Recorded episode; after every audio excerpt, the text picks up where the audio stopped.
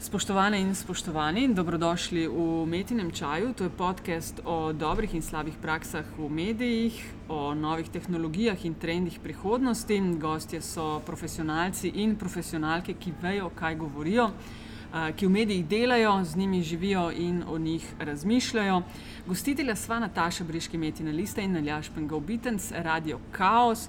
V tokratni epizodi z mano žal ni Aljaža, ki je tako kot vsi pametni čez te prvomajske praznike si vzel par dni frajt, ampak ker se je vmes ponudila ena krasna priložnost, tokratno epizodo vseeno snemamo.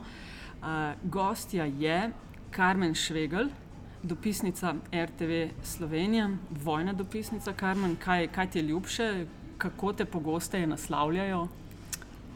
Naslavljajo vse mogoče, ampak verjetno dopisnica je čist, čisto ok. Je. Jaz mislim, da je pač poročanje z vojnih območij del mojega dela, ni pa, ne delam pa samo tega. Okay, z Aljažem smo se res zelo, zelo veselili tega pogovora, tako da mi je na nek način hudo, ker ne more biti zraven. Uh, ampak to sam pomeni, da bo še kakšna dodatna priložnost, ker ti prav pogosto v Slovenijo ne prideš, ne? koliko pogosto. Ja. tudi nimaš nekega urnika vnaprej, ne? to je tako. Tako je.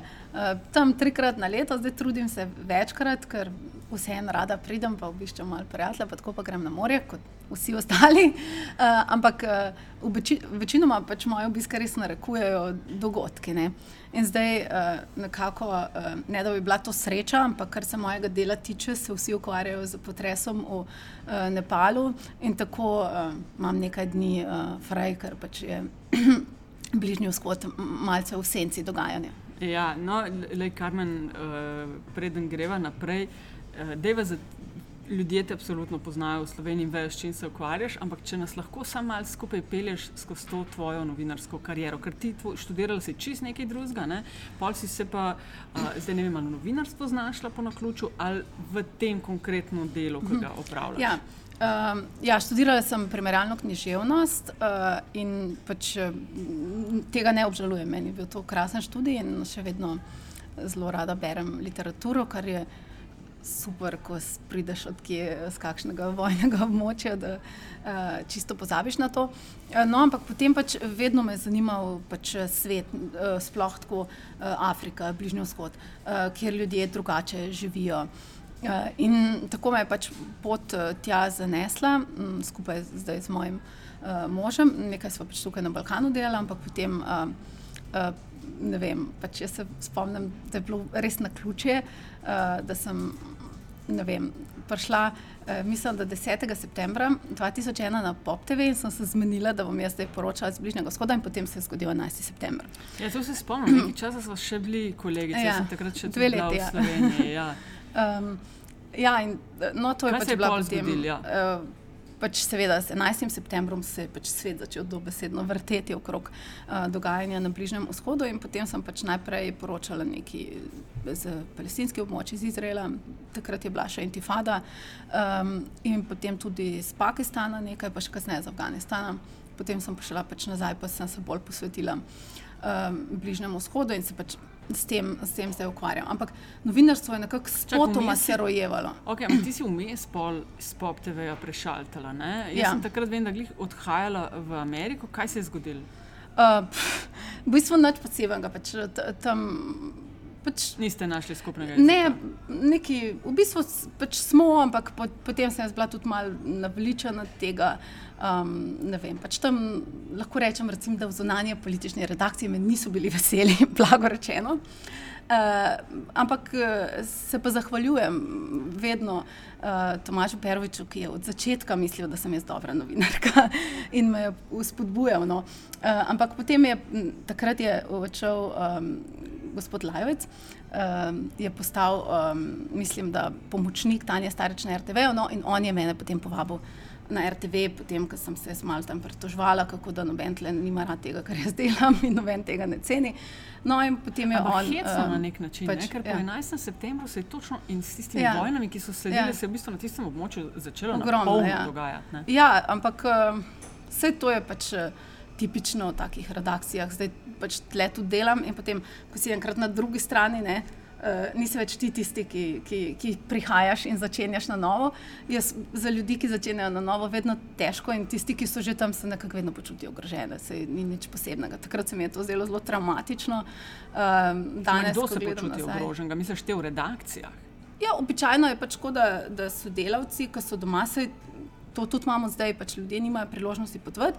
In vsak si misli, če bi, se, če bi sam jaz lahko šel na bližnje, bi bil še stokrat boljši kot ona in bi vse vedno boljši in bi lahko vse boljš naredil. Um, ampak jaz skozi pravim, vsi so imeli priložnosti. Jaz nisem šla z nobenim delom, meni je nobeno obljubo, nobenega denarja, sem bila plačana na prispevek, tako kot nekdo drug v Sloveniji.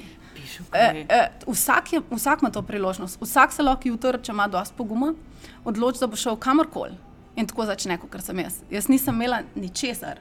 In prvih pet let sem pač, uh, zaslužila to, kar sem zapravila. Pač, uh, Klihtok. In tudi uh, moj življenjski standard je bil bistveno nižji, kot če bi živela v Sloveniji. Pač, uh, kvaliteta stanovanj, kvaliteta hrane, življenja, pač veliko moraš tvegati. In jaz mislim, ljudje, ki pač tle sedijo. In pač govorijo, da bi lahko, ne vem, kaj vse dosegel v življenju. Verjetno bi lahko, samo enkrat bi pač mogel kufr spakirati, pa itne. In to je, je tisto, kjer pač eh, jaz mislim, da vendarle je pač je razlika, ne? če greš ali pa ne greš. Pa se, pač doma pametuješ. Ja, no, a se ti zdi, da je tega v novinarstvu in v medijih dost, tega, ko vsi vejo, kaj točno bi, sam zmanjka malo, ko je treba nekaj začeti? Ja, jaz mislim, da je veliko tega, ne? da pač težko ljudje enostavno živijo brez svojega kroga prijateljev, brez kroga ljudi, ki jim na nek način jih uspodbujajo, tudi jim pihajo na dušo in povedo, ja, pa se si dober, pa dober delaš. Recim, Jaz, ko tako eh, povem, da smo se nekaj ravno hecali, se rekla, jaz nimam problema s kakim zvezdništvom. Ne. Jaz večino časa živim v svetu, kjer ljudje ne morejo izgovoriti mojega imena in si nikoli ne zapomnijo, odkje sem in imajo pojma, kaj je Slovenija. Skratka, jaz sem Zadnji idiot. Kako pa izgovarjajo tvoje ime, Karmen, s CM, ni to kar izid? Ja, Karmen je še kar v redu, ampak Slovenija, pa tako Pensilvanija je lahko, krkoli, Slovaška, Evropa, mislim. Pač, skratka, pač, ko si tudi na kakšni tiskovkah, pa tako pač vidiš, da Kaj rečeš, Karmen Švegel, ja. European Union ali Karmen Švegel, Slovenija? Ne, se rečem, kar Slovenija. Pol večinoma, po moje, kaki, kaki so malce ramežljivi, pa nočejo sprašvati. kaki pol kratko, ja, jaz sem že bil enkrat na Slovaškem, Bratislava ali kaj tako. No. Vse mogoče stvari so. Uh, tako da pač neka čist druga realnost je to, kar če si pač lepa klepetaš v eni, enem kafiču in potem greš malo delati in potem drugem in pač dru, ful drugačno. Življenje je ne samo delo. No. A veš, sem ravno o tem razmišljala, ko sem te čakala prid, ne snemava, danes je sreda 29. april, ko snemava to epizodo v centru Ljubljane s pogledom na slovenski uh, parlament, sem točno o tem razmišljala, kakšen zdaj šok, ne za telo, mm. ampak tako v glavi, ki moraš urediti, je, ko se premakneš iz območja, kjer gledaš vsak dan, ne vem, raztovčene hiše, kjer poslušaš. Streljani se mogoče pretiravam, pa me popravi. Mm. Ker gledaš ljudi, ki živijo v tako nekajkrat slabšem standardu kot pri nas, pa prideš pa sem, je pa tako urejeno. Recimo, mm. A to, uh, ti je težko se prilagoditi? Ali... Ja, tako malo se ti zdi, trapa stati pred, pred rdečo lučjo. okay, tam je rdeče luč, si predstavljam, to pa res ne, ne ni faktor. Ja. Ne. Um, Ja, mislim, na nek način seveda je, je, šok. Ne, ne vem, zakaj veš, ker film mi pade na pamet. Uh, ne vem, ali je to v redu primerjava, ne, ampak on uh, krvavi diamant, Leonardo DiCaprio. Ja. A veš, ker ona ja, bila vem, isto neke, ja. neke dopisnice, ja. tako vojno ja. območje in pol tako. Vidiš, ljudje srebajo kavico, sonček, malo mhm. nabirajo barvo, ti ja. pa prideš iz enega. Ja štale. Ja, je je malo mal tako šokne. Recim, jaz sem eh, bolj uh, netolerantna do tega. Tudi, recim, mi dva zdaj živimo v Bejrutu in smo prav tako se, se, se selili malo, ampak smo imeli stanovanje na eni ulici, kjer so sam neki uh, super restauracije in klubi in vsi ti ljudje tja prihajajo.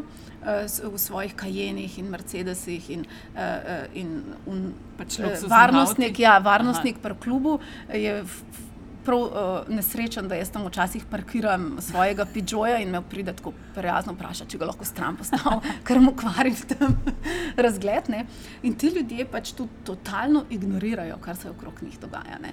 Tam imaš, recimo, uh, zdaj ne vem, milijon pa pol sirskih beguncev, dobesedno na istih cestah, ki prosijo za hrano, otroke, ki ne morejo noč.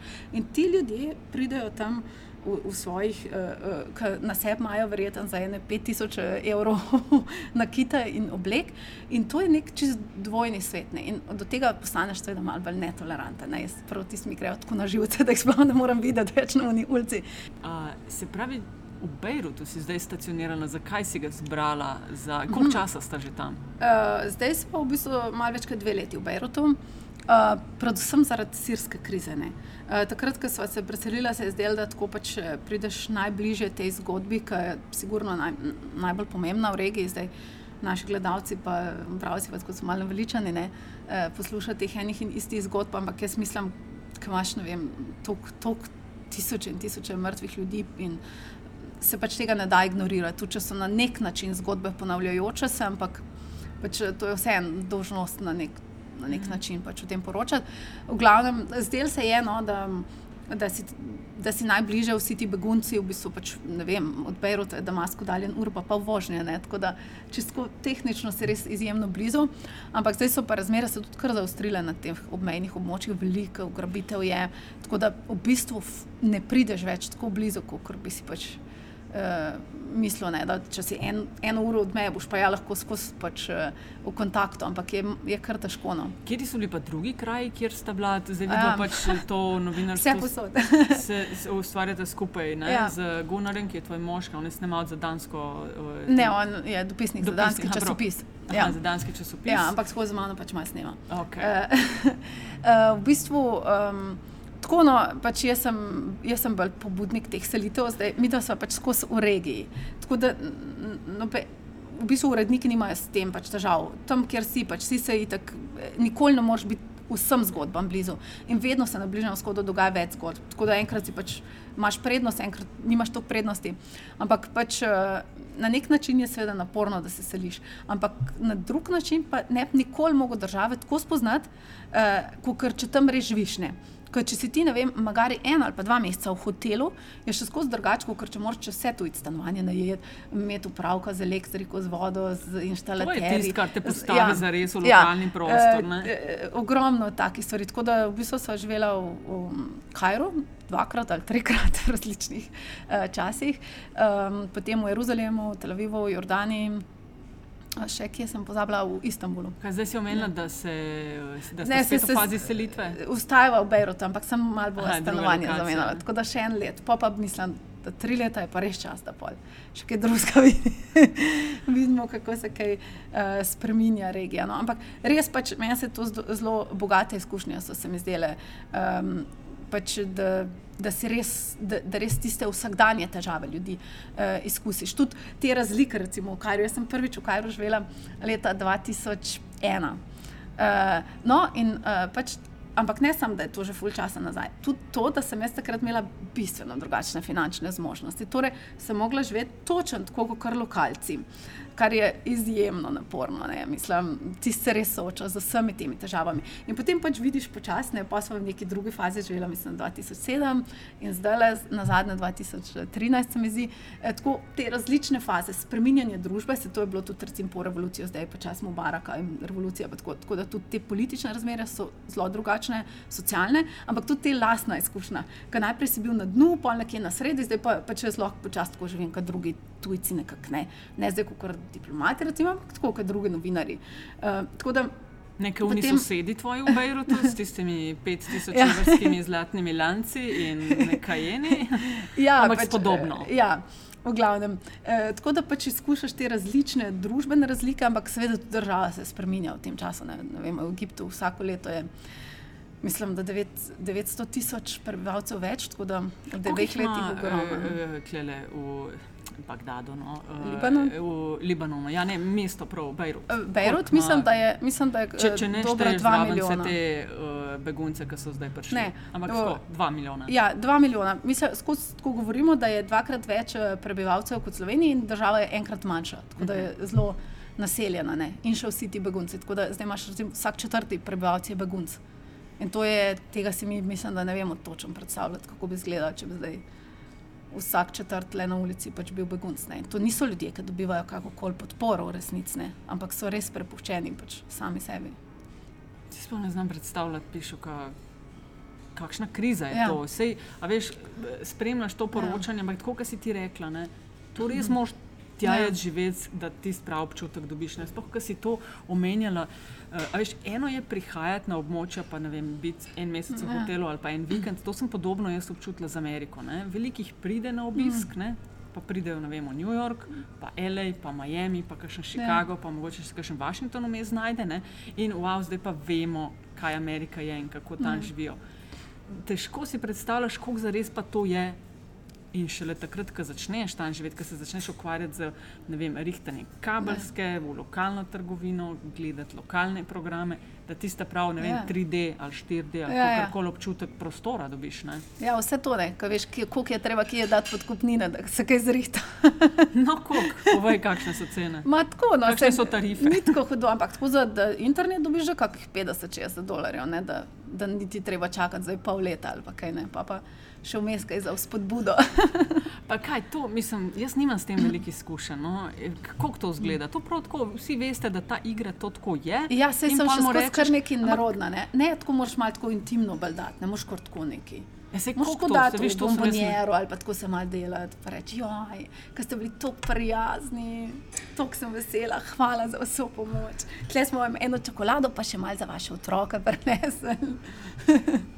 Ojej, a, a ti to tako gre od rok, ali si se bolj bolj bila te sorte, da si se mogla priučiti? A Veš, to je tako, kot Ja. greš, recimo, ne vem, ko greš v Turčijo na tiste Ja. njihove tržnice, ja. pa skačejo vate, recimo, Ja. ja. jaz sem tiste sorte človek, ki mi to gre na živce. Ja. Enim je pa to super. gre. ja, ne, enim je pa to super, a veš, No, no, pa meni je- trgovati. pa to. Ja, tako, recimo barantanje je meni super, mi je, mi je v Ano, veselje. pol si no. nekako rojena. Tako da mi je čisto redo. No. Včasih tle tudi kar neki barantamo okrog, zdaj se vsi smejijo. No, a te kdaj, ko prideš iz unga okolja, pa ko tam pač moraš barantati, Ja. te kdaj kle odnese, ko vidiš, ne vem, majčka 20 evrov, pa rečeš, gospa, 10 vam dam. Tako, tako ne, ampak sem pa bila ravno včeraj z mojo sestro in smo si dvo, kupili čevlje v Italiji. Sem kar rekla, zdaj smo pa dvo, dvoje čevlje kupili, ne bodo dobile popust. Še eno boršo, Ja. In, in smo res pa torbico zraven dobile. vidiš, do rezikaš, para, kruha se, a res. Ja. Moja sestra je, prav, je bilo res uh, zanimivo spremljati to, mislim, da bolj kot samo nakupovanje ta dogodek. Kaj bi rekla, preden se še malce bolj zakopljava v tvoje Ja. delo, da je tisto, kar te je naučilo, kar te je življenje tam naučilo. In si zaradi tega, ne vem, boljša, veš, več, drugačna. Kaj je tisto, kar se ti zdi, da boš najbolj odnesla od tam, če se boš kdaj preselila nazaj v Evropo? Ja, zagotovo pač ta odprtost do ljudi, ki so drugačni, do, do tega, da ne obsojaš ali pa ne kritiziraš vsega, kar je, kar je izven norm, ki smo jih navajeni. Recimo, ne. Slovenija je še vedno dokaj zaprta država, tudi če gledamo tujce. Zdaj, če ne vem, se dva eh, črnca sprehaja, da bi vsi verjetno gledali za njima. Ne.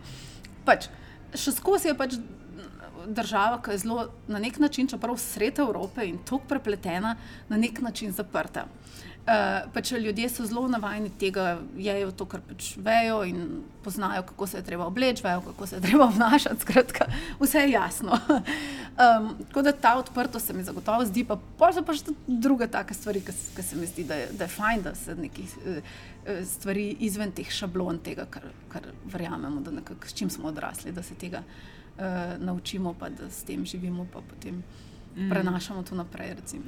Le, Karmen, ti se greš nekaj, če mora rečemo, ne vem, vojno dopisništvo, kar ni isto kot biti dopisnik eh, vem, v Bruslu ali pa Londonu ali pa ne vem, Washingtonu ali pa mm. kjerkoli na teh območjih, kjer nimajo tega bližnjega stika z vojno, z tako mm. revščino, s takimi krizami. ne. Uh, ampak si pa hkrati, ja, veš, deluješ na tem območju, kjer, popravme, če se motim, ampak so ženske malo drugorazredne državljanke, ali pa se mi zdi, Ne, da, absolutno, ja. da jim je določena vloga, ki ni skakanje okoli pa Ja. spraševanje teh eh, starešin in ne Mm. vem koga še. Eh, Koliko se tebi to pozna? Kaj je plus, a so kdaj kakšni plusi zaradi tega, Mm. ker si ženska, ko to počneš, in kaj so minusi, ti Zdaj, v bistvu, pač definitivno vloga ženske je tam, kot si odpisala, tu niso, kot si opisala, niso nobeni predsotki. Skratka, ženska spada doma, skrbi za otroke in pač uh, veste, katere so nekako recimo njene družbene naloge. Uh, ampak jaz za te ljudi nisem ženska, jaz sem tujka, v prvi vrsti. Uh, Kar je več kot biti ženska? Kar je pač nekaj, kar nima z njimi opravka. Okay. Torej, ni več, ni manj, kaj jaz vem, mogoče osebno si mislijo, da je ta letlene. Ampak eh, na nek način pač oni gledajo na tujce, jaz mislim, da zelo podobno, kot če je bila moški. Pač, eh, ti, si, ti si nek tujek, ki, ki ne, od koga ne pričakujejo, da se drži nekih pravil, eh, niti ne pričakujejo tudi na drugi strani tega, da te mora na nek način zaščititi. Tako, ker, ker, vse to je pač. eh, Ta stran ženska ima vseeno dva kovanca. Ne bom zdaj zagovarjala tle neke represije nad ženskami, ampak dejstvo je, da, da, da izhaja iz tega, da, da ženska pač je doma tudi zaradi tega, da je varna, da mož za njo skrbi, ženska ni treba hoditi v službo, ni se ji treba izpostavljati. razumejo. Tako pač eh, je mišljeno tudi, da, da se žensko zavaruje v bistvu na, nek način, ne?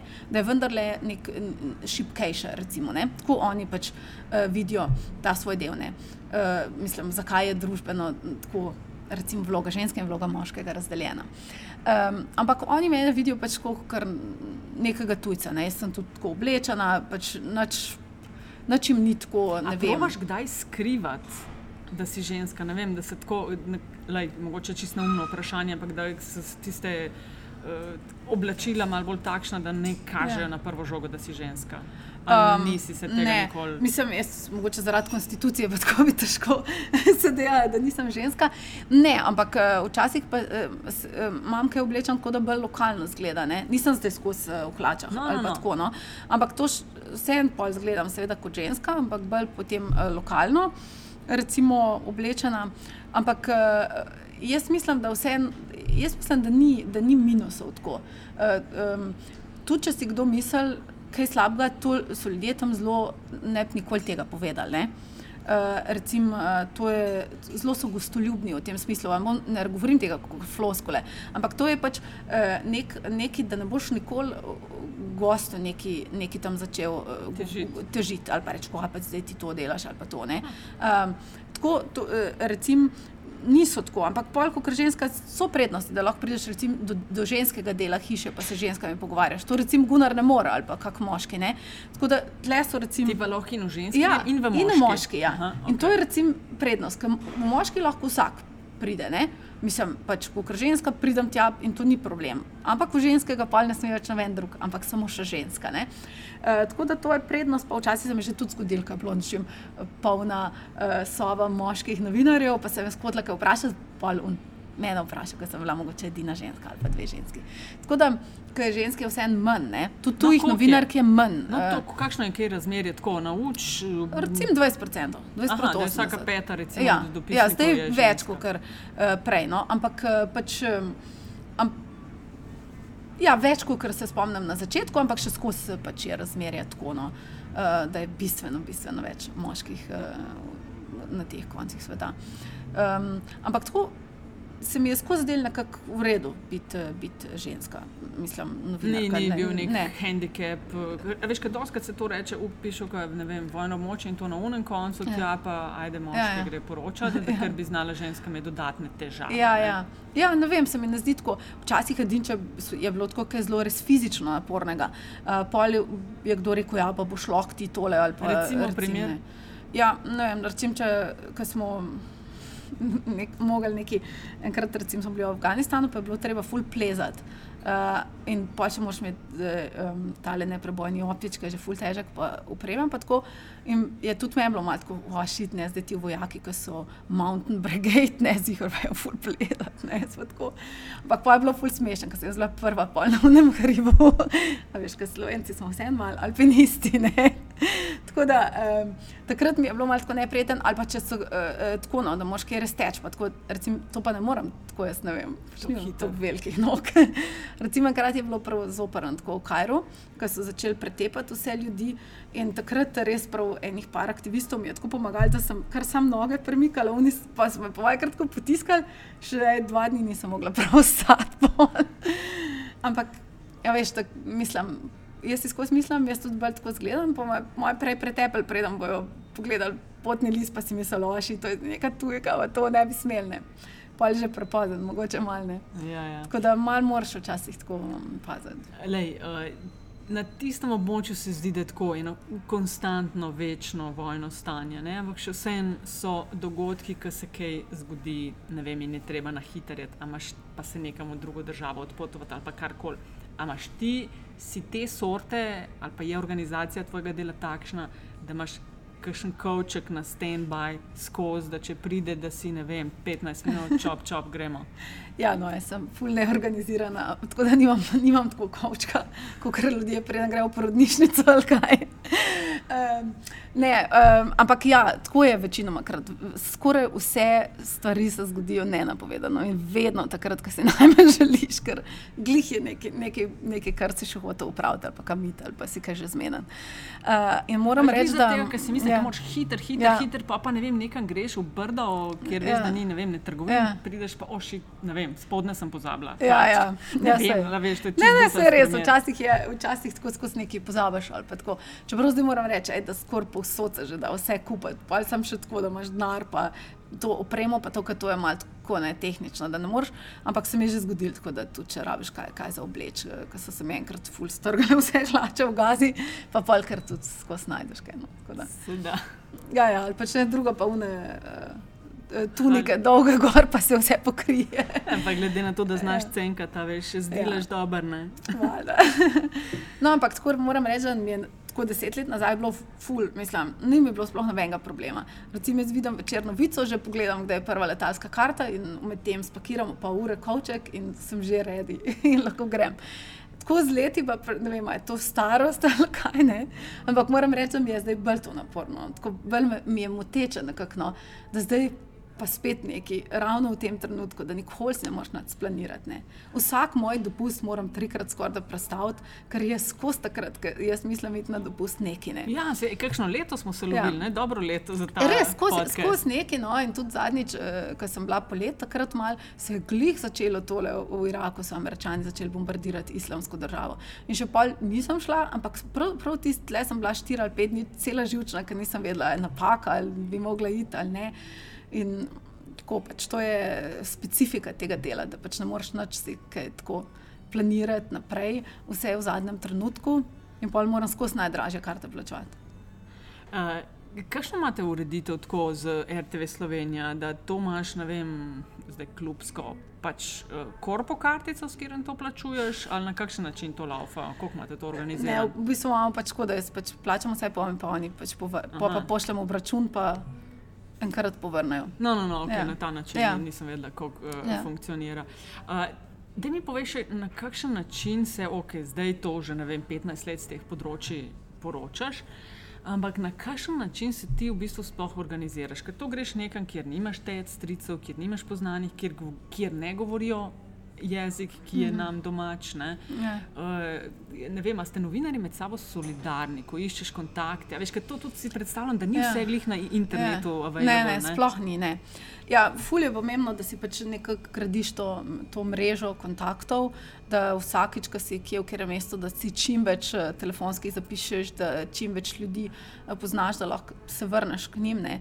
Zdaj, Kako debela je ja. danes ta tvoja knjižica? Moja, tako, ker sem v slabo organizirana. Seveda, vse so kontaktni, ampak le je res tudi problem, da je čist drug sistem. Ne? Ljudje spremenjajo številke, ljudje so begunci, odidejo. Uh, tudi tam ni tako, da bi imel številko stole. Če ne plačuješ vsak mesec, ne, ti kar odklopijo in pol je to številko dobi nekdo drug. Tako, meni se je recimo zgodilo, da sem imela ogromno kontaktov iz Iraka. In jaz imam zdaj mogoče eno številko, ki deluje. Ker ljudje so se porazgubili, ljudje so se odselili, umrli. Mislim, to so res pač take zgodbe, da potem ful, težko slediš in še recimo prej, prej, pred Facebookom in vsem tam, je bilo še veliko velik težje na nek način. Ne. A je zdaj malo lažje zaradi Na tega? nek način, ja, ker ljudje pač eh, vse so neke, nek, neka statika, je, da vzdržujejo pač te profile in tudi če se selijo in to še skozi jih lahko nekako uh, luciraš. Uh, tako da je eh, težko te kontakte moraš jih graditi, moraš jih pa tudi. Uh, Jih pa ogromno zgubiš, no. tako da je veliko, veliko tega dela, gre pa v nič. ne. Novinarji pa tako, kakšni so ful solidarni, predvsem z manjšimi medijem, drugače pa tudi ful konkurenca med večjimi mediji. In ti ljudje imajo pač na nek način uh, to neomejen denar. In pa je sam to kao fajt za najboljše fikserje, kdo bo jih več plačal.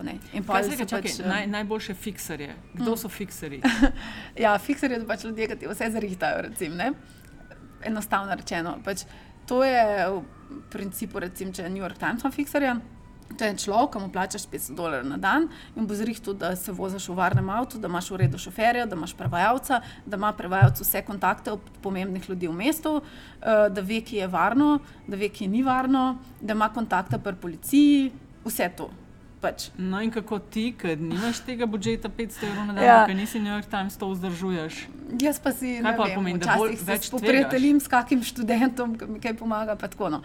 Sej so kakšni lokalci, ki so pripravljeni pomagati, jim nekaj pač plačaš, ali pa tudi ne, ali pa si deliš s kakim drugim novinarjem, koga če so izjemno težke razmere. Recim, ne. Um, A drugače pa vsak sam lepo, ni tako, da bi v šopkih na nek način rekli, kaj zem, obisk nekega mesta, obisk nekih Ne, eh, ne. poveljnikov. tudi zato, ker večinoma tega eh, večji mediji nočejo. Ker če oni Okay, grejo. večji razumem, Ja. ampak ta manjši, če se date s- skup ali ni, Ja, vča, to ne. ne, včasih, recim, tako, če so kolegi, ki se že dlje časa poznamo, dva, tri, ja, se tudi tako dela, recimo na turški meji, pa Sirija. Pa tako. Seveda, ne, pol si tudi lahko razdeliš enega, ki mu plača 100 dolarjev na dan, če so trije, ne, pol ni tako, da ne bi mogel, ne, ker, ker pa moraš na kakih območjih, ni, ni važno, če jaz govorim arabsko ali ne, ali ne vem kaj. Pač to ti ljudje sploh ne zaupajo dosti, da bi lahko, ne vem, kar, recimo, če ni nikogar lokalnega zraven.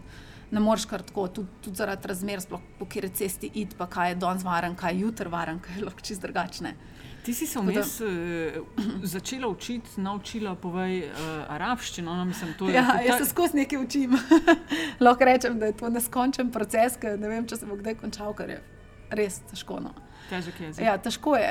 Uh, um, tudi, če misliš, si, da kaj veš, pa pol pa prideš v eno drugo državo, ker so ti dialekti zelo drugačni. In pa spet imaš občutek, da v bistvu sploh ne veš. Ampak, okay, koliko veš? Tok, da, vem, da, da se lahko o tem pogovarjaš v tem jeziku, ali to, da približno veš, kaj, kaj, o čem gre debata. Er, No, tako da, recim, če se med sabo pogovarjajo, recim, da približno vemo, o čem je debata. Ampak, če se pa jaz pogovarjam recim, z enim človekom, pa se lahko pogovarjam. Ampak pač zelo tako konkretno uh, vprašanje, koliko bom pil danes, pa recim. Ja. In pa lahko odgovori, odkje ste prišli, kaj se je zgodilo. Tako, da, da je jezik počasen, tako je tudi recimo arabčini. Pozitivno na nek način, sploh če govoriš s, s kakimi ne zelo izobraženimi ljudmi, govorijo zelo preprost jezik. In to je nekako pol jezik, ki ga jaz lahko uh, uh, razumem. -hmm. Tudi tud so zelo večinoma uvidevni, da govorijo kratke stavke, jasne, če vidijo, da se trudiš in skušaš uh, razumeti. Tako da, kakšni begunci pa to lahko ne. Ampak uh, zdaj, Si če pa bi pa. predstavljam, da to je Kakega kar, profesorja pa ne bi mogla kar zgodaj intervjuvati uh, o nekih zelo. No, ampak to je kar prednost. To je tako, kar se mi, zdi- imam občutek, da zelo cenijo. Je, je, je zelo pomemben, ker je v bistvu kar hecen na Bližnjem vzhodu, da niti uh, dopisniki velikih medijev ne govorijo jezikov, jezika običajno. Sko, nikoli, v bistvu, Lokal- kar poznam. Ne. Pač je enostavno, pač pretežko. No, mislim. Ker to bi pol mogel ti en službo obljubiti, pa ti dati 5-6 let, da bi se najprej jezik naučil. To je pa vsem pol, mislim, malo preveč naporno. Glih ne investirajo. Ja, ne? ne, ne. Uh, le omenjala si te ugrabitve in to, kar res je stalnica. in Se zdi, no, vsaj če spremljam poročanje, da je tega vse več, ne vse manj. Kaj so tiste tvoje varnostne zaponke, ki rečeš, ok, uh, ne vem, kaj, ja. kaj moraš odkljukati? Ja, uh, večinoma se pač skušaš z drugimi pogovarjati, kam ste vi šli, kje ste bili včeraj, ali bi šel tja ali ne. In pol nekako je malo neumen, ampak tako bolj kot ovči sindrom, da če gre veliko ljudi, si misliš, da je že v redu, če ne, ne bi šli. Ne. Um, tako pač nekako ljudje sledijo en drugemu mal. Da, da, da pač jaz ne bi šla nikoli nekam, ki bi vsi rekli, da ne grejo, ne? ker bi uh, pol vse, tudi če se ne bi nič zgodilo, bi si učitala, da, da grem nekam tako zdaj, brez da bi vedela. Po drugi strani pa imaš kar tako.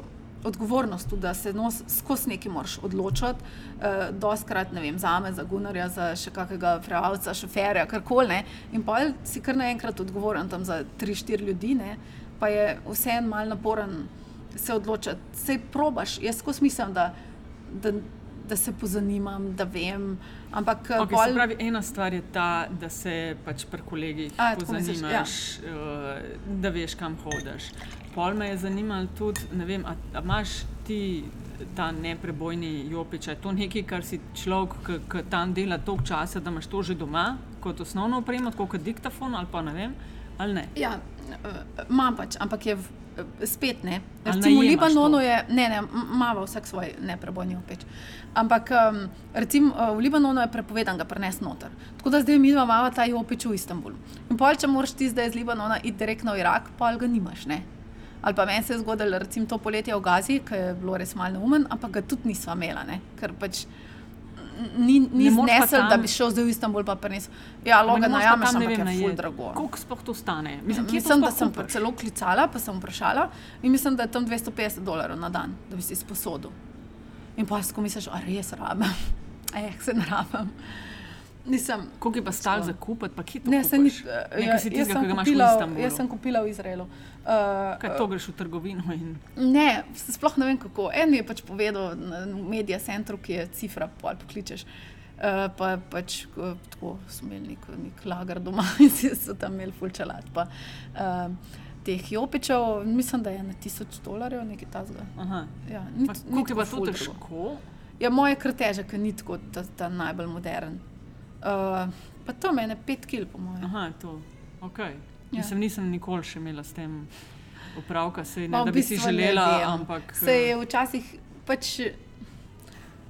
Ne vem, je že prav, da, da ga imaš, ne, ampak nisi pa treba iluzij delati, da ti bo to zdaj skozi nekaj rešilo življenje. Ne. Mm. Pač to je pač tista varnostna uh, zaponka, ki jo zapreš, uh, da si ne počitev. Ne.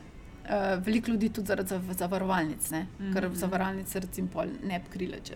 Ja, kako imaš pa to urejeno? Ja, tako nekako. Uh, Na približen. Ja, mislim, pri nas je pač škoda, oh, upimo, da se nam ne zgodi. pa pa ne vem.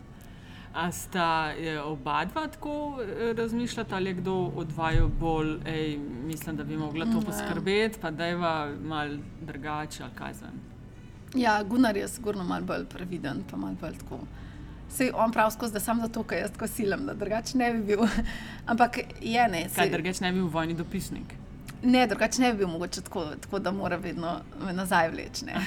Ampak verjetno tudi ne bi bil drugače vojni dopisnik. Uh, ampak ni tako, ljudje si nekaj tako mislili, da, da me sprašujejo, če ste zgolj florada adrenalina ali kaj. Sploh, ne, ne, meni ni prijetno. Gunnar je tako enkrat rekel, bo, če bi jaz lahko si kupil uh, tako uh, tole lečo, ne, da bi dal na kamero, da bi snimal.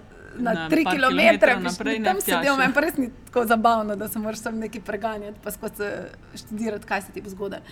Pač, Moraš biti tako, je, kaj je tisti tvoj drive? Kaj je tisti tvoj drive, zakaj si rekla, ne, vem, ne bom se šla do pisništva v Bruslu ali pa ne bom oh, eh, ne vem, eh, delala reportaž po Sloveniji? Oh, to, jaz sem bila en mesec do pisništva v Bruslu za Pop TV. In sem jih skoraj zmešala. ne, takrat sem res in je bila ful zanimiva izkušnja. Uh, to je bila tako, mislim, da ideja Tomaža Peroviča, da jaz lahko imam službo zdaj. Ne? Uh, in ti si bil fulgrozen. Tako čez en mesec sem rekla, da lahko grem nazaj tu čez ston, sem, da mi ni treba tleviti in poslušati teh birokratov. Skratka, tisti je bilo zelo grozen. Pač, Bruselj, recimo, dober primer, to niso ljudje iz realnega sveta.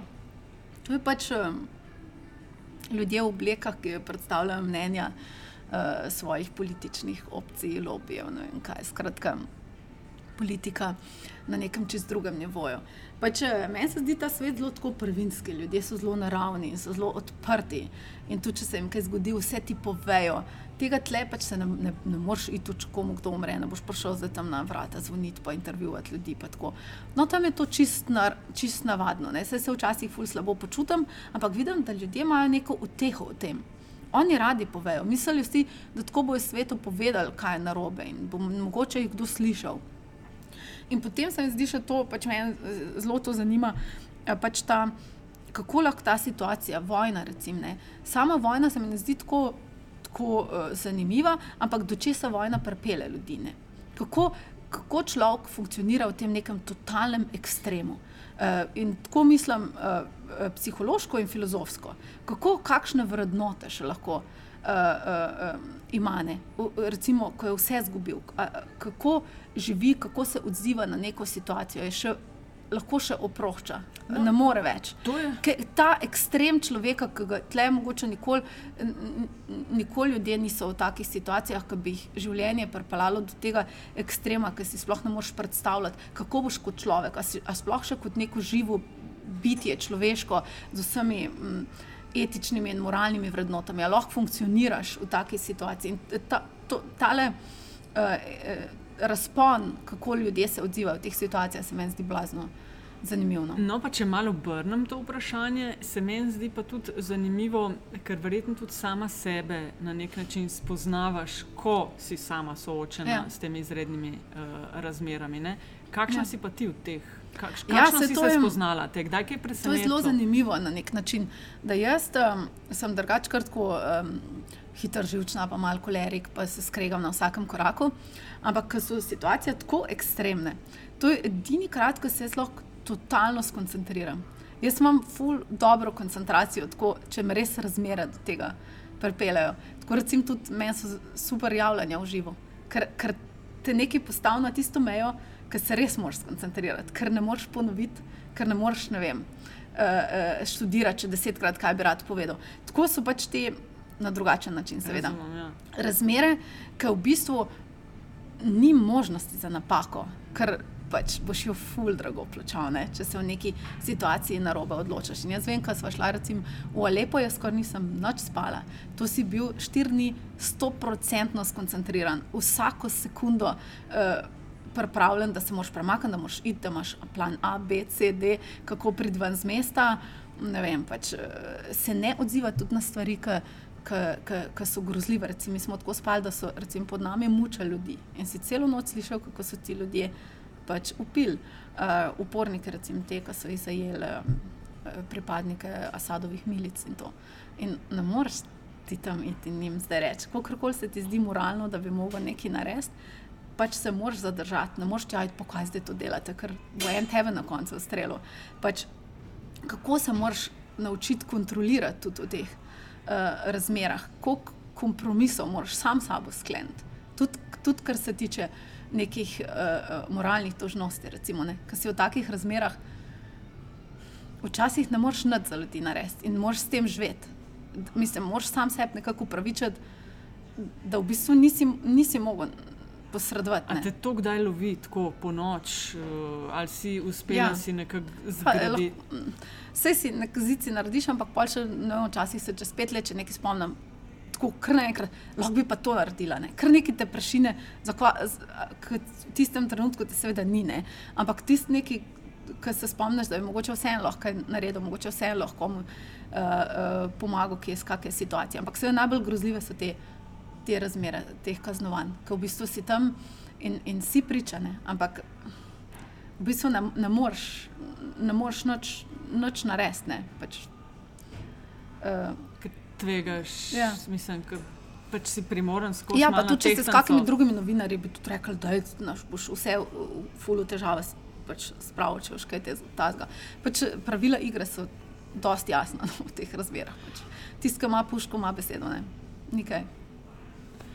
Je, kaj pomeni za te biti pogumen na teh kriznih žariščih? E, imam občutek, da se včasih mogoče zamenjuje ta pogum, se zdaj si to dobro opisala, pogum s tem, da ne vem, greš.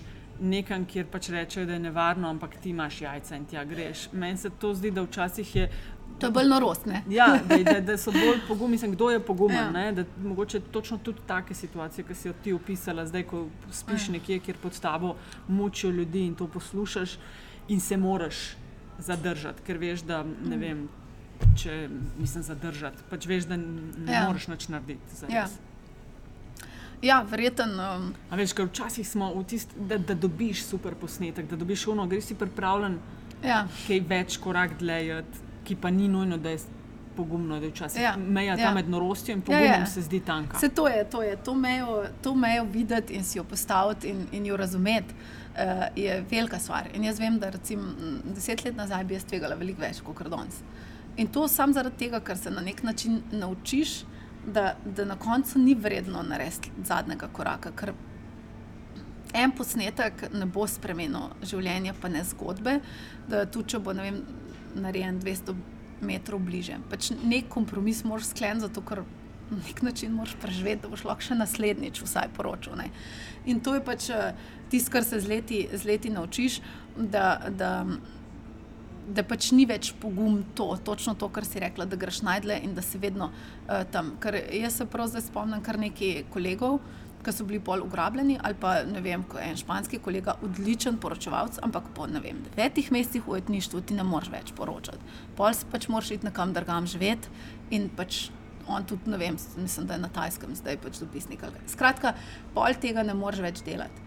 In če pač eh, tokrat tvegaš, zdaj, ko spremljam Sirijo, pa te ljudi, ki ki res tvegajo, jaz moram reči, da je 90% od njih prišlo v situacijo, kjer se jim nekaj zgodilo.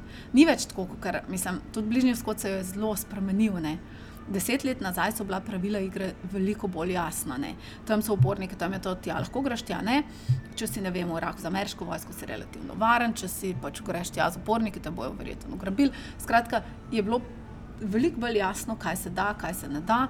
Zdaj imaš pa ta, ta um, islamska država in to, to so pač stvari, ki niso več čisto transparentne, kaj se, kaj se dogaja v glavah teh ljudi in kaj je v končni fazi sploh, sploh cilj. ne. Um, recimo, kaj hočejo, ne, kar v bistvu pač um, uh, ti, ti uboji pred kamero in to, to, je, mm. to je cilj. Ne, Saj te ne, ne ugrabljajo ljudi za hec, ampak zato, ker je pač s tem vzbujajo pozornost. Uh, In se dogaja točno to, kar si želijo, ne, da so ljudje, wow, oni so pa tako močni. Mm.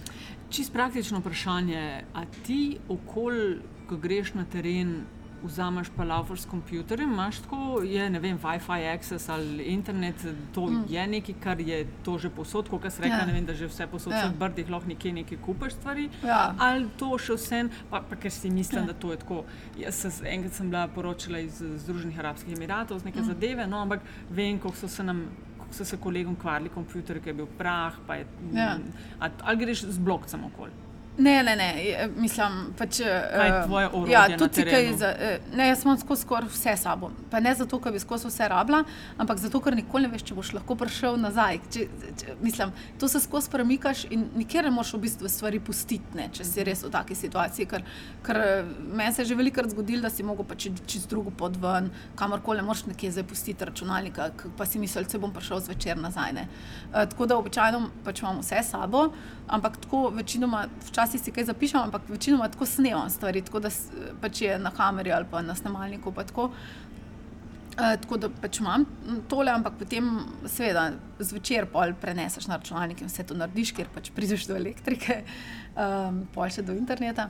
Ne, eh, v teh krajih je zdaj, v mirnih časih, je večinoma povsod internet, elektrika, vse. Ampak zdaj, glede na to, da poročaš pač s krajev, kjer niso razmere normalne, pa tudi noč ne dela običajno. Eh, Zdaj v Siriji smo imeli tako, ne vem, eno uro na dan elektriko, recimo, ko so generator laufali, pa je tudi zelo primankoval goriva, eh, tako da se je šparal, ne, se tudi so gorivo večinoma porabili za bolence, pa, pač tako, no, zato ker so res rabili. Um, internet pa tudi ti big ME, pa to, ne, ti satelitski internet. To je tako, da odpreš, pa se pol tako povežeš z internetom. Kako se reče, kako se temu reče? Bigem. A, to pa nisem še slišala. No, glavno, tako nekaj izgleda kot računalnik, ampak tako odpreš, pa se pol, je tako kot satelitski internet, se je ful drago, to sem za Ja. izjemne razmere. No.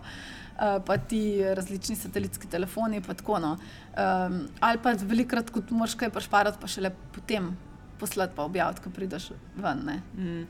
Na začetku si omenila, da eh, ko rečeš, vem, Slovenija, da večinoma, pač, če ne skoraj izključno pojma nimajo, o čem mm. govoriš.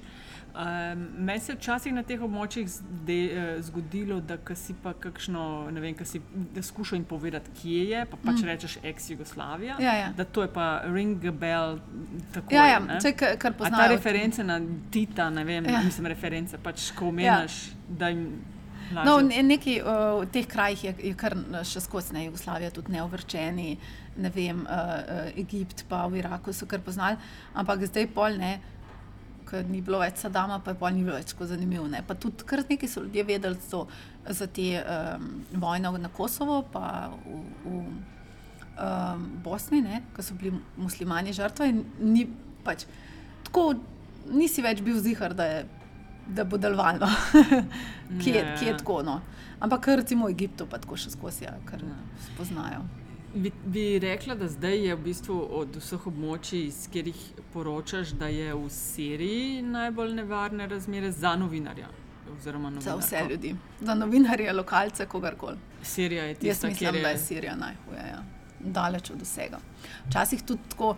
Uh, ljudje v Gazi sem bila vprašana, ja, kako je v Siriji, tako slabo, kot tleh. Je prav tako neprijetno reči, jo, mislim, se vem, da je vam hudo, ampak to ni primerjave, kako je, kako je v Siriji. Se je pa tebi zgodilo ena tako ob poplavi kakšnih neprijetnih stvari, s katerimi si se bila primorana soočati, tudi v Iraku, bližnje srečanje s skoraj smrtjo. Ti si bila, de, lahko samo upišeš ja. na kratko, da tiskaj mogoče ne veš. Ja, na nek način je bila to za me zagotovo najbolj traumatična situacija. Pa edina, ko sem resnično razmišljala, da bi eh, se ne več z novinarstvom ukvarjala kar sem mogoče za intermeco, jaz ne vidim na nek način sebe kot neke tipične novinarke. Jaz pač poročam z bližnjega vzhoda in pač to vem in se v to razumem.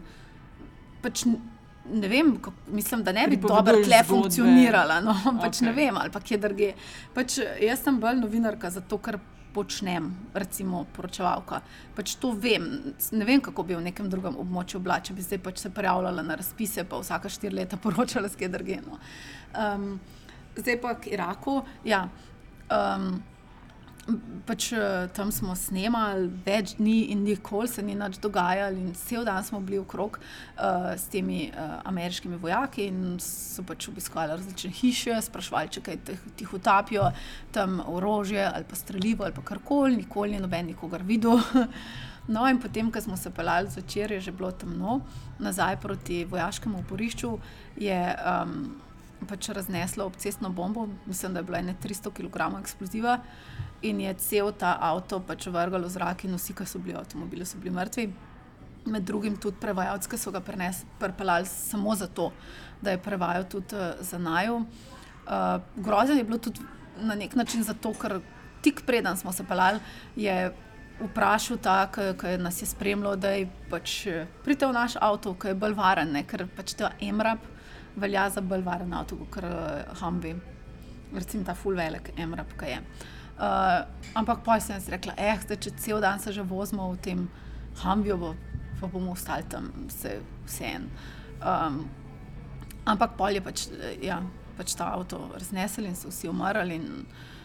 So vsi bili res zmedeni, ker ti ljudje so pač bili tam šest mesecev in se jim nikoli ni prej nič zgodilo.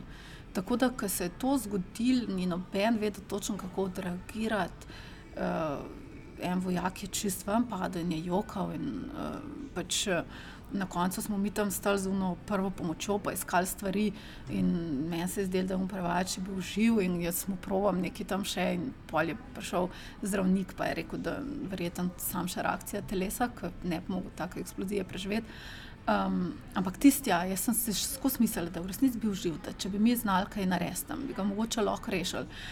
Tako da je un zdravnik res prav že tisti, rekel, ok, sem mogel kakega psihologa še zate poklicati, ker enostavno pač mi ni šlo v glavo, da pač, um, ni, mislim, da je verjeten pač sam telo, da v bistvu ni bil živ. Ne, ker pač v tistem trenutku skušaš nekaj narediti, kar koli znaš, pa lahko. No. Um, in pol se uh, so pač. Uh, iz tega tovornaka ven po delih te ljudi rešvali, uh, mislim, trupla. To je pač ful grozno. Pač tega, jaz tega prispevka v bistvu še ne vem, cel teden nisem mogla zmontirati, ker enostavno nisem mogla še enkrat čez to v svoji glavi. Um, in res je, bilo kar nekaj časa, preden sem lahko spet vem, spala čez celo noč. Um, Mislim, si predstavljam, da resno razmišljaš o tem, kaj delaš, ne? ali pa ti vsaj malo da misliti. Uh, to se je kdaj zgodilo? Um, hm. Par let nazaj. Sploh ne spomnim, če je ja. kar nekaj let nazaj. Ja. Mislim, ti, zdaj, no. ti zdaj 15 let nekako že poročaš z tega ja. območja. Ne? Sama si zdaj re, si reka, da pač so zadeve bolj nevarne, manj organizirane, manj se da vedeti, kaj mm. se lahko, kaj se ne sme. Ne? Uh, kako se je po tvoji oceni spremenilo to celo območje v teh zadnjih 15 letih, ki recimo, da se vse, uh mhm. -huh. mislim, ni se vse skupaj začelo s tistim 11. septembrom, ja. ampak se zdi, da je eskaliralo ja. v neko drugo fazo še? E, je na nek način. Ne? Zdaj, um, jaz mislim, da ko sem jaz prišla, je to bilo neko tipično območje diktatur ki, so, ki delujejo po svojem principu, ki so za ljudi verjetno slabe, ampak so pa stabilne v geopolitičnem smislu. In pač razumeš, kako sistem deluje, ima neko logiko. Danes sistem nima nobene logike več. Ne? Uh, ne vem, najprej je bil seveda 11. september in potem pač ameriški napad na, na Irak, predvsem Afganistan, ni imel takega vpliva, ampak Irak je pa imel vpliv. Uh, uh, in je pač v bistvu raznesel na nek način celo regijo, vse ekstremizem se je začel širiti, pa pa še te revolucije, ki so se v bistvu sprevrgle tudi v nek, uh, v nek svoj uh, cikl uh, nemirov in nestabilnosti. In zdaj imaš pač države, kjer. Niti, recimo, tako kot ekip, ne veš več točno, kako stvari funkcionirajo. Kaj je zelo bila predvidljiva država, tam v Barak 30-letni kozen, no, tako da ne um, noč, kar bi te presenetila, razen da bo umrl, in mogoče ne. Uh, in potem uh, tudi tam, recimo, zdaj neka, neka nova diktatura se oblikuje in točno ne veš, kakšna so pravila igre. Ne. Tudi so novinarji že zaprli, zdaj neke vize hočejo nove uvajati. In potem, da ne govorimo sploh, ne vem, Irak, Sirija. Jemen, zdaj mislim, ni konca tega, ne Libanon je, po mojem, na robu tega, da se razpočne s temi, temi begunci, ker z njimi tudi prihajajo vsi ti um, uh, skrajneži, pa različne oporniške skupine, in pa se oni med sabo začnejo tam uh, streljati. Uh, pač v bistvu imaš nek čuden sistem. Zdaj, večkrat pač posem jasno je, da tam posredovanje uh, Georgea Busha pač je regijo vrglo v neko novo uh, realnost. Uh, realnost. Ampak zdaj je vprašanje, koliko je neaktivnost Baracka Obame pripomogla k izboljšanju razmer. Ne? To je tisto, kar se skozi eh, zastavlja. Ne? On ni hotel ponavljati eh, napak, ne? jih je pa na nek način pustil. Ni, ni, pa, ni pa rešil nobenih težav. Ker če tako bližnjo skoče, imaš ti vem, 50-60 let uh, uh, uh, politike, ko skozi Amerika uh, daje pobudo, ko igra glavno vlogo. In zdaj naenkrat imaš vakum ker, ker pač tudi te države, kot je Saudska Arabija, ne vejo točno več, kaj bi ne, ker enostavno, to, eh, enostavno ni te voditeljske vloge in potem se pač odločijo čez noč za neko vojno v Jemnu, ker ne vejo točno, kako bi, kako bi jo zmagali ali izgubili. Mislim, pač zelo nepredvidljive stvari se dogajajo, ker, ker eh, pač eh, tukaj je pač Obama naredil več korakov nazaj ker je nekako mislil, da bo s tem pač popravil napake uh, uh, Georgea Busha, jih pa, jih pa s tem ni. Ne. Je pa s tem, seveda, se regija še bolj poglobila uh, mm. v, v nek uh, kaos. Uh, in zdaj pač ne vem točno, kako se bo to razvijalo naprej. Ker, Vse države so zdaj na neki prelomnici. Ne? Ali, mislim, ta Sirija ne more v neskončnost biti tako, ne? Nek, neka odločitev mora biti sklenjena in potem imaš to paniko, zdaj, da bo Amerika sklenila ta uh, sporazum z Iranom. Recimo, to je glavna stvar zdaj. In uh, ta smešna debata, da je samo Izrael proti, je pač. Uh, Ni res, da imaš vse arabski svet, ki se tega boji. Ne, ne zato, zato, da bojo imeli bombo, ampak zato, da bojo zavezniki američanov, da bojo s tem rešili Asada, da se bojo šiti ukrepili, ta večno šitski, sunitski spor se samo še stopnjuje. Ne. Tako da tle se čisto oblikujejo neki, neki novi spori, ki mislim, da jih pač nekdo iz uh, Washingtona ne vidi čist točno, ne, kako, recimo ta, ta dogovor z Iranom. Mislim, da te posledice različne v regiji niso povsem, mm. povsem jasne. Da mi povej, katere vere priporočaš, da beremo, spremljamo tisti, ki nas recimo malo bolj zanima vedeti o ja. dogajanju ja. tam. Kje, a veš, toliko ja. je različnih verov, ampak ja, zdaj se to je zanimivo. Zdaj je treba skoraj tako mar brati z rezervo. Skoraj vse vire, razen teh zelo establiranih, ne vem, New York Times, Guardian. Ne? Ampak tudi Guardian recimo, se sooča z zelo velikimi finančnimi težavami, tako da nima več toliko dopisnikov. Uh, ampak uh, uh, potem je pa treba bolj tako. Če hočeš res bolj natančno vedeti stvari, uh, je treba vedeti, uh, s kom so ti viri povezani. Ne? Zdaj, recimo, če gledaš Al Jazeera ali pa Al Arabijo, jaz srcem skozi berem, moraš dobro vedeti, da je Al Jazeera financirana od Katarja, da je Al Arabija financirana strani Saudske Arabije. Vsi dajo informacije, ki so večinoma pravilne, faktualne, ampak kako razložijo jih, kako jih utemelijo, to je pa potem eh, nekaj drugega. Ne. Tako da ti lokalni mediji so zelo dobri, ker imajo ljudi na tleh. Večina tujih medijev nima več, niti največjih. Tudi uh, New York Times pa tako mora preživeti s tem, da intervjuva uh, preko telefona lokalce ali pa uh, plačuje nekomu, za koga ne ve točen, če je čist kredibilni vir. Ne. Nekoga, ki ga ni mogoče nikoli srečal ki je pač v Bagdadu ali pa v Sani. Ne. In um, uh, ti arabski mediji, lokalni, imajo seveda svoje vire, ampak. Uh, Kateri so, arabski lokalni?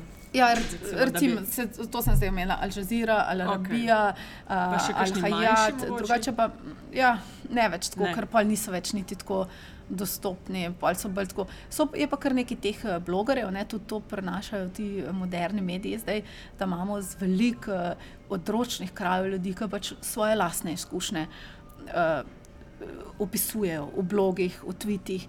In to so zelo zanimive informacije, ampak so pa skoncentrirane na tisti kraj, na tisto mesto, na tisto ulico, na tistega človeka. Ja. In to je tisto, kar je treba, uh, jaz mislim, vzeti za kupne. Da ne moreš tega, teh informacij, ki ti zdaj dobiš, poslušati in z tega reči, ah, to se dogaja zdaj ujemno. Jaz sem videl, da je napisal, da tako je, ne vem, v ja, tretji ulici, tam v Sani. Ja, ja, ja. To je pač eh, potem očividec, ki je en in predstavlja sebe, večinoma, ali pa svojo družino v najboljšem primeru, ne pa eh, družbe ali pa države. Če omenila si Twitter, ti si na Twitterju, sem te jaz grešila, nisi. Ne. ne. uh, jaz sem malo bolj tako uh, neaktivna. Ampak, no, ampak imaš pa odprto. Kanal Twitter, imaš. Ne, Gunnar, ne. malo bolj. Aha, pa pol, preko njega špijemo. Oh, okay. ja. Uh, si se predvidevam, da ja, e, moraš soočati tudi s kritikami tvojega poročanja. E, ja, kaj ti rečeš? Kaj si pro-palestinska, pro-izraelska, kaj te najbolj, če ja. te najbolj obtožujejo?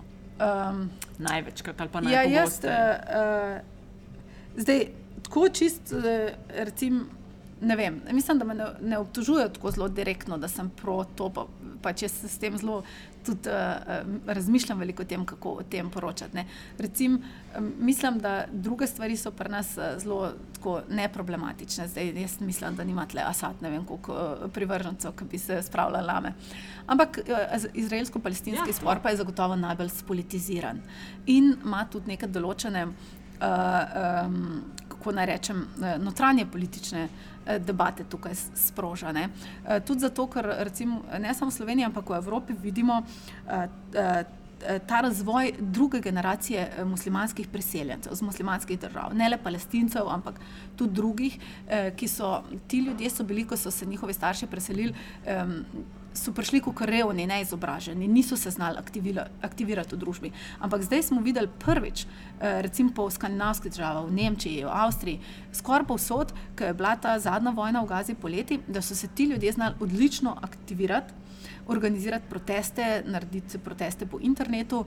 Um, Tudi aktivirati nek eh, del publike, recimo neka levica, ki vedno protestira proti vojni. Uh, pač neko publiko aktivirajo in potem to postane del neke notranje politične debate, ki je sprožila tudi debato v Evropskem parlamentu in tako naprej. Tako da imamo zdaj le nek, nek palestinski lobby, ki se oblikuje ki, ki je veliko boljši. Prej so recimo Izraelci medijsko vojno lahko vsakič zmagali. Zdaj vidimo na drugi strani, da se ta palestinski eh, eh, medijski lobby recimo, aktivira in je vsakič boljši. In s tem pač tudi res veliko pripomore k temu, kar unika pač rakete pošiljajo, pa bombe pač ne vem. Ne, težko aktivirajo simpatijo na, na Zahodu, ne? ne glede na to, da so podrejeni, da so, da so žrtve, karkoli že.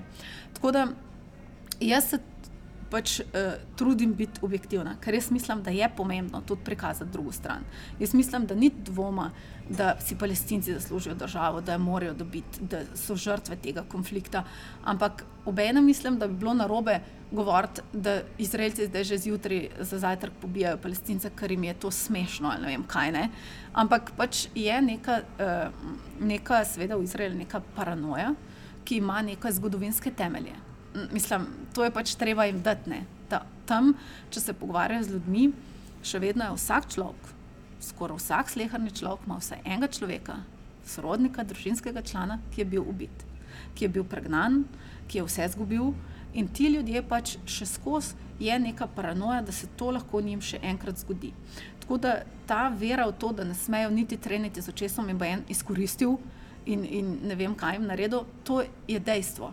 Mislim, to pač obstaja. Oni to res mislijo in verjamejo. In uh, če z te perspektive gledaš, nekako razumeš te uh, reakcije, kot so. Jih ne upravičuješ, ampak jih razumeš. In jaz mislim, da je pomembno ta konflikt vsaj razumeti v kontekstu, kot ga razumejo tam ljudje, ne kot ga mi gledamo z naše perspektive. Mislim, z, z moje perspektive tle Slovenije je jasno, razdelite si to zemljo in dajte mir. Ne, razumem, kaj zdaj, ja. zakaj je tako težko. Ne pač ne vem, se bo sto ali pa tisoč ljudi preselili z ene strani, imajo na drugo, pač tako je. Ne? Ne vem, Slovenija je tudi izgubila ozemlje, del pač, ja, ja. Eh, ljudi živi zunaj Skratka našega ozemlja. Ja, ja. Pač ni, če tako gledaš, ni nobenega problema. Ampak če to psihologijo konflikta skušaš razumeti na eni in drugi strani. Ne? Tudi palestinci zdaj, to imaš že generacije, ki živijo skozi vojno. Noben več ne verjame, da bo kdaj mir, eh, so radikalizirani, vedno slabše izobraženi, seveda, nimajo več prihodnosti. Eh, pač zdaj, če nazaj gledaš, bi lahko reči, če bi se le zmenili 30 let nazaj, bi lahko oboji. Trikrat bolj prosperirali kot danes. Ne. Tudi za Izraelce tri leta voj, vojske za vsakega mladega fanta ni. Uh, ne, in tudi moramo vedeti, koliko kako veliko ljudi išče vse te vezi, uh, um, ki so rodstvene po prednikih. In vsi se javljajo za nemški potni list, za kjerkoli, kjer lahko dobijo potni list, da imajo plan B. Ne? Mm -hmm. Tudi zato nekateri, ki nočejo vojsko, drugi, ki ne vejo, kaj bo s to državo. Skratka, je neka negotovost in to pač jaz mislim, da pač žene Izraelcev to pretiravanje. Ne? Ker to, da pač ne vem, eni streli 20 raket, pa ti pobiješ tisoč ljudi, je pretiravanje, ni debate. Um, potem ni več važno, kdo je začel, kdo je kriv, potem pač je tisoč ljudi ljudi mrtvih ne? in je neupravičljivo, eh, definitivno. In to je težko včasih eh, razložiti, pač eh, tudi eh, palestinci definitivno vidijo stvari iz svoje perspektive, tudi tisti, ki tle živijo, seveda, vse je logično. Um, Izraelci pa nekako na javnem mnenju mislim, da zelo, zelo izgubljajo vsa ta leta, ne? bolj so močni, v bistvu manj imajo simpatije. Mm, mm. Kar me nasrečuješ ti na teh tvojih poteh, kaj slovencev? Ja, včasih uh, so, je kar hece, no, se so skoraj vse posod, kakšni slovenci. Ampak, fulmalo, ampak pol je pač, kaj slovenci. Turisti, v bistvu. Ja, tudi turisti, v turisti, v kakšnih organizacijah, velikrat pa tudi kakšne ženske, ki so poročene na no, vseh čudnih koncih sveta. Je, uh, In so bile situacije, ki si ne vem, rekli Slovenija, pa ti, ja, jaz to. uh, no, to ne tako pogost, ampak uh, običajno se pa ljudje tako hitro, pač, ki me vidijo moče na televiziji, pač ti ljudje zelo tako gledajo slovensko televizijo, pa, ker se skušajo povezati z domovino. In pol uh, velikrat tako me probajo pač v kakih različnih virih kontaktirati pol. Mm. Od kolegov pa kaj, verjetno vidim še kaj, je še kdo, ki, ja. ki z teh območij nekako poroča. Mislim, da pač ja. dosta redno ja. že vse ta leta, ja, ja. sicer tako z občasnimi. Ja. Ne, ni, ni... No, pač ko je kaj večjega, ja, je tja, ne pa poroča o tem, se tudi ja. skozi pol srečava, če, ja, ja, če ja. smo na istem kraju. Je, A še kdo fajn, ali je to to? Mislim, da bolj ali manj, Ervin še včasih, ja. uh, drugače pa to je po mojem.